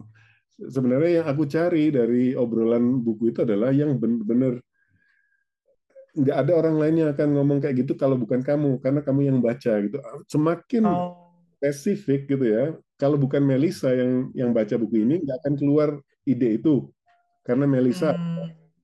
seorang pembaca yang sudah membaca sekian buku dan sudah mengalami hidupnya sendiri gitu loh. Dan menurut aku menariknya tuh di situ. Buku itu eh, alat untuk refleksi sendiri dan bisa alat untuk berinteraksi dengan orang dengan cara itu menurut aku. Bukan maksudku ingin mengerjai loh. Aku maksudnya kalau bisa bikin lagi nanti the next book if you still want to come here let's do this Oke. Tergantung bukunya apa sebenarnya. ya itu bisa dinegosiasikan tapi aku sebenarnya sangat terbuka bahkan ke buku yang aku nggak pernah baca pun kalau orang Hmm. yang aku bilang kemarin kan antusiasmenya itu kelihatan gitu aku jadi tergoda bahkan mungkin aku bisa kecewa ketika aku membaca bukunya ternyata nggak sama sama yang aku alami but that's Hmm. fine jadi Kalau apa sastra Jepang gitu suka nggak? eh, aku pengen baca aku pernah baca Susaku Endo Ah, ah. dan sekarang aku udah lupa tapi aku pengen baca lagi karena itu menurut aku absurd Silence. suka banget Eh, dan Silence atau judul lain? yang mana, yang mana Silence ya Silence. Iya, Silence ya itu yang mau baca kalau Jesuit. mau baca itu kita ngobrolin lagi aku aku mau kita baca Oh, lagi boleh itu. Itu karena apa ya ya mengguncang iman something like that. oh tell me about Boleh, boleh, ya Kebetulan aku masih ada bukunya kok. ya tapi next time kita beneran kayak gini ya Oh, nah itu berarti aku kan harus benar-benar siap gitu ya. Ya, aku sih sebenarnya nggak nyuruh orang harus ngomong kayak gini. Cuman aku menunjukkan ya, kalau kita membaca buku kayak gini itu enak banget loh. Hmm. It is more than just what Cocok sih silence itu. Karena ya gimana ya? Susah aku menjelaskannya. Oke. Menarik untuk dibahas. Walaupun aku juga ya seperti biasa lupa dengan garis besar bukunya, tapi yang aku ingat memang ada hal-hal yang menarik untuk dibahas lebih lanjut. Dan pada waktu aku eh, apa baca bukunya pertama kali, nggak nggak ada diskusi sama siapa-siapa, gitu. Aku juga merasa ngerasain yang sama. Karena seperti yang kamu bilang tadi, buku itu ada kayak eh, kalau ngomong apa ya, atmosfernya gitu lah. Kayak, kayak kita bilang tadi, Hmm, atmosfer gotik atau atmosfer eh, buku Victorian itu ada sendiri. Tapi hmm, buku Jepang itu ada sendiri. hmm, Yang banyak paling aku baca itu Haruki Murakami. hmm, Tapi nggak semua bukunya punya eh, bukunya punya atmosfer yang beda-beda kayak Norwegian Wood itu lain lagi. Dance Dance Dance itu lain lagi yang kumpulan short story. Terus Kafka on the Shore itu lain lagi. Udah baca Murakami belum? Eh, belum terlalu banyak kalau menurut kami. Tapi Susaku Endo aku ingat Susaku Endo itu Ya, ya. satu yang aku baca di awal-awal 2000-an atau pertengahan yang masih aku masih muda lah berarti. Itu agak mengguncangkan gitu loh. Tapi aku Nah, iya, iya. harus baca lagi ya supaya ingat itu apa. Oke, Dan aku itu. semoga percak- percakapan pertama ini jadi semacam nyicip ya. Let's read the way let's read like this gitu. Mari kita bicarakan buku dengan cara ini. Oke, Kamu kedengarannya menarik. eh, iya. Balik lagi yang ke akademis tadi ya. Aku waktu di acara Oslo Book Club itu, aku merasa kering banget rasanya waktu si orang-orang akademis ini ngomong. Karena mereka Hmm, "Oh, the teknik begini, the the juxtaposition of all, all this term makes me want to say, come on, you don't you don't make me feel I want to read it. ah, Makanya aku karena aku dikasih istilah teknis jadi malah apa ya? ya, Jadi malah ilfil. Jadi misalnya si si si narator ini di dicela abis-abisan karena dia re unreliable narrator. Bilang, being unreliable itu sangat believable buat dia dari umurnya itu. Makanya aku berkeras di situ. Justru hmm, makin believable cerita ini ada di mata dia karena dia memang eh, unreliable dan hmm, apa sih yang reliable narator itu? Kalau naratornya hmm. reliable itu ceritanya sangat boring karena tiba-tiba yang Iya, adalah iya. penulisnya sendiri gitu loh. Itu karena dia unreliable itu jadi malah menarik kita nggak nggak bisa berhenti baca. Exactly. Nah, Hmm, tapi yang yang men- balik lagi orang-orang yang akademis ini punya banyak kata-kata untuk mendeskripsikan buku dibandingin hmm, eh, pembaca awam. Pembaca awam itu biasanya gimana bukunya? Bagus. Bukunya tentang apa? bagus. Oh, tentang ini. Udah gitu. Kenapa kita nggak nyari jalan tengahnya di mana kita bisa ngomong lebih banyak dari sekedar bilang itu bagus, terus eh, diseseli informasi tentang kapan, waktu, siapa yang nulis gitu kan. Itu kan bisa di Google. Tetapi kita jangan sampai terlalu teknis yang kayak Hmm, tadi. Hmm. itu. Itu itu mimpiku sih. Iya, iya, iya. Gimana? Udah. Akal. Jadi gitu Melisa. Menurut aku kalau eh, kalau nggak ada lagi yang perlu kita bahas, kita bisa akhiri di sini. And maybe we will talk about other books in other time. What do you think? Hmm, Apakah ada ya, yang belum atau sepertinya sih sudah sih. Ya, karena karena aku belum selesai bacanya. Ya nggak apa-apa nggak apa. Menurut aku eh, buku kan kita kan punya Hmm, dan kehidupan juga gitu. buku adalah kenikmatan saja, bukan beban. Nah, lalu uh, Mas Irwan ini setelah baca Rebecca, ini nggak maksudnya pengen baca karya-karyanya Daphne yang lain nggak? Iya, tapi tentu saja aku nggak tahu ya, mungkin kamu sama dengan aku. Uh, sebagai hmm. buku tuh buku yang diniatin untuk baca banyak banget. Iya betul. Aku cuma bisa berjalan. Himpunannya masih banyak banget. Iya. Dan itu motivasi utama, motivasi berikutnya untuk bikin podcast ini adalah itu, bagaimana supaya ada motivasi untuk, oke, okay, dari daftar yang panjang itu apa yang pengen aku hmm. kan? Uh, kalau kamu terhasut, you hmm, are to do this here. Kalau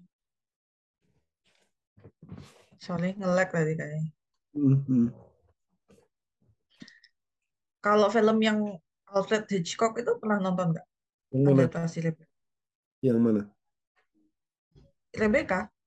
Oh. Adaptasinya Rebecca tapi Alfred Hitchcock. Bagus. Tahun eh, masih hitam putih gitu. Aku belum baca. Belum ya? Eh, belum nonton. Nah, aku juga belum sih, cuman uh, apa ya sempat aku sempat baca beberapa review setelah adaptasi Netflix itu dan banyak yang bilang oh jauh lebih bagus yang lama itu hmm. yang jadul tapi filmnya masih hitam putih tapi menurut aku ada hal yang susah untuk dimasukkan ke layar ya hmm, iya. si si Mrs. De Winter ini iya iya konfliknya karena itu terjadi di kepalanya itu Exactly.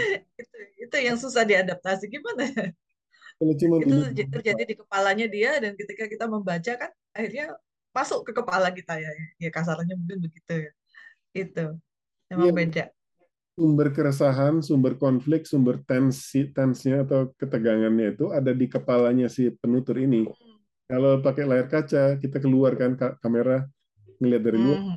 biasa banget cerita ini iya benar betul. Makanya yang Netflix itu kan harus dibumbui, bumbunya kebanyakan karena cerita ini siap masalahnya yang seperti tadi. Hmm. Karena kita udah di luar kepalanya si pencerita ini, jadi ya apa yang bikin cerita ini istimewa dikasih bumbu-bumbu yang macam-macam itu. Cuman yang aku yang aku nikmati nih dari film itu adalah visualisasinya. Jadi tahu hmm Manderley itu kayak apa, jadi tahu Happy Valley itu kayak apa gitu kan. Oh ini ada yang lucu sebenarnya. Ada satu, aku jadi ingat nih, kita nggak jadi mengakhiri nih ya. Oh, lanjut aja dulu.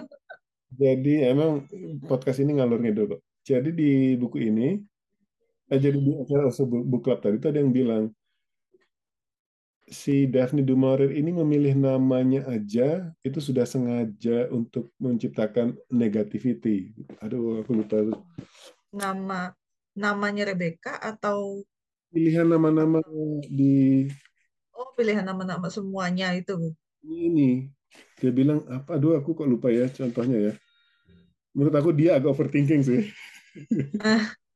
eh, eh, bantu aku dong sebutin apa aja nama-nama yang ada di buku ini kayak uh, Max nama tempat nama tempat oh nama tempat karena kemudian nama menyebutkan aku membat, mematahkan teori dia kan aku bilang ada yang namanya Happy Valley iya iya Happy Valley itu dia itu itu kan sarkastis aduh hmm. lupa sih eh, nggak aku catat sih poin itu tapi tapi itu menariknya bahwa membicarakan buku itu dengan makin banyak orang tuh makin banyak juga uh, versi-versi bacaannya itu. Uh, anyway. Kalau yang itu yang apa namanya tempatnya si Rebecca mati itu apa kali namanya? Ya benar. Uh, apa namanya?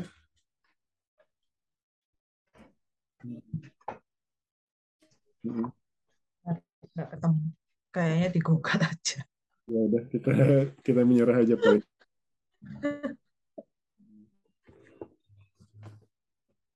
karena dari dari gambaran dia itu seakan-akan semua ini seram muram gitu kan tapi hmm. ada happy valley dan itu happy hmm. mencuat dan sarkastik di antara yang suram-suram ini tahu-tahu ada yang jelas-jelas menyebut namanya ini harus happy loh kamu lihat ini gitu.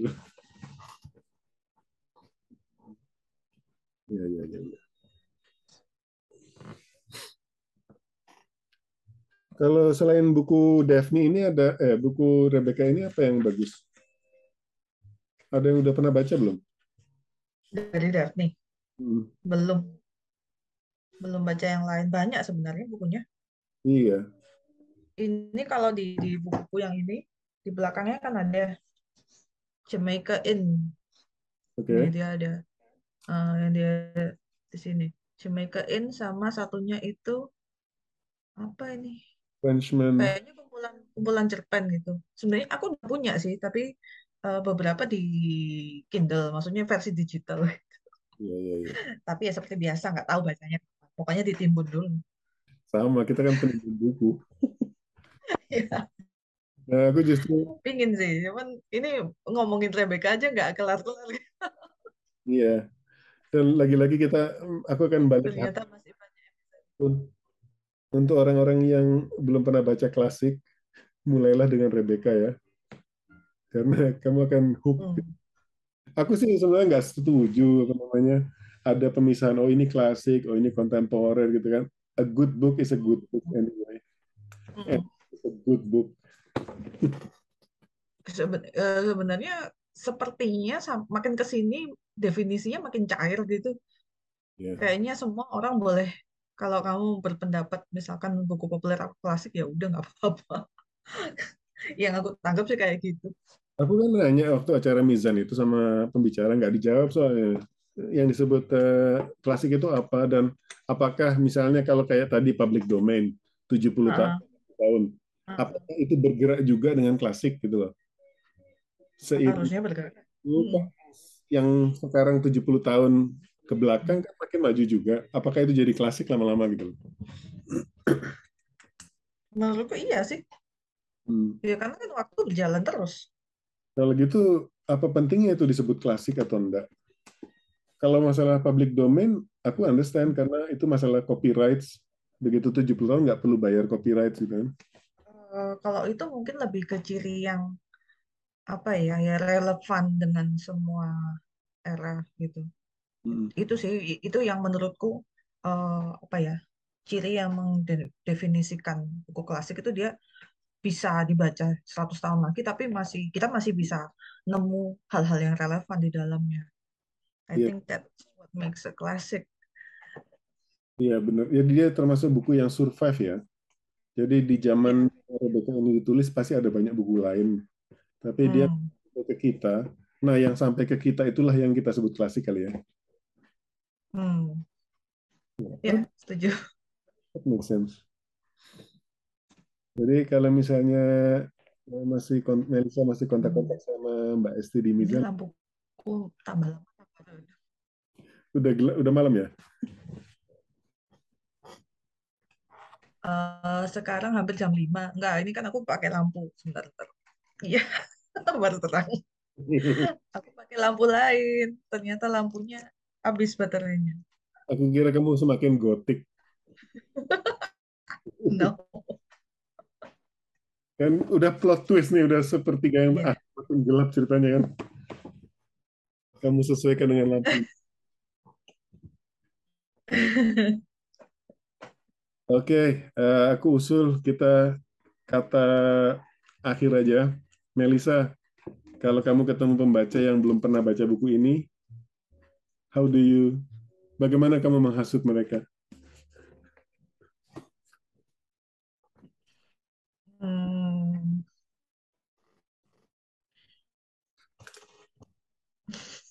Pertanyaan cukup susah. Bukan pertanyaan. Aku mungkin akan bilang eh, apa ya?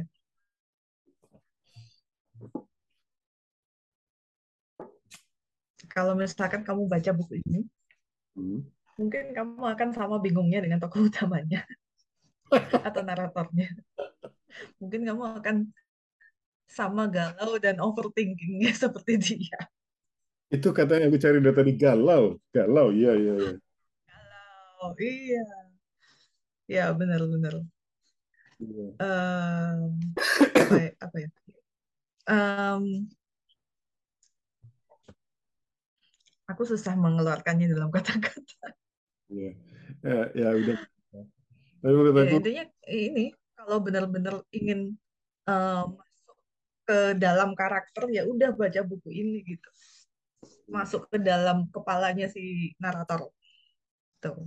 kalau aku tambahin sih, kalau penasaran sama apa yang Melisa bilang tadi soal eh, tempat yang untuk melarikan diri atau pelarian, Oh, ada hasil dan sebagainya. Ini pintu yang bagus untuk masuk ke sana hmm. Karena hmm, dapat dua-duanya. Yang pertama dapat eh, suasana tadi itu, suasana masa lalu yang sudah nggak ada lagi, ya. plus keseruan sebuah Hmm, cerita ada di buku ini gitu loh. Gitu. Eh, tapi kalau menurut Mas Irwan nih, perlu nggak kalau misalkan ini eh, kita ngomong sama orang yang sama sekali nggak tahu tentang Rebecca ini, bukunya Rebecca. Kita perlu nggak ngomong kalau Rebecca ini bukan tokoh utamanya? Eh, perlu. Eh, maksudnya, tapi eh, oke, ini diskusi yang panjang ini. Lalu tokoh utamanya siapa? Oh iya, nanti deh. Berarti baca aja udah gitu aja. Iya, menurut aku ya, eh, eh, karena buku ini seperti mena- me- membongkar semua stereotip kita. Oh, tokoh utama tuh harus begini, itu gini kan. Hmm, Yang aku bilang tadi, donat tadi tuh. Donat itu hmm, definisinya kan dengan lubangnya itu. Kalau lubangnya itu nggak ada, dia bukan donat. Tetapi donat lubangnya hmm, nggak ada kan. I think that's a, hmm, hmm, hmm. a good, a stupid analogy. Donat. Oke. Ya, wow. Terima kasih loh Melisa sudah menemani. Ya, aku mau baca ulang. Ya, Kalau sama-sama. terima kasih.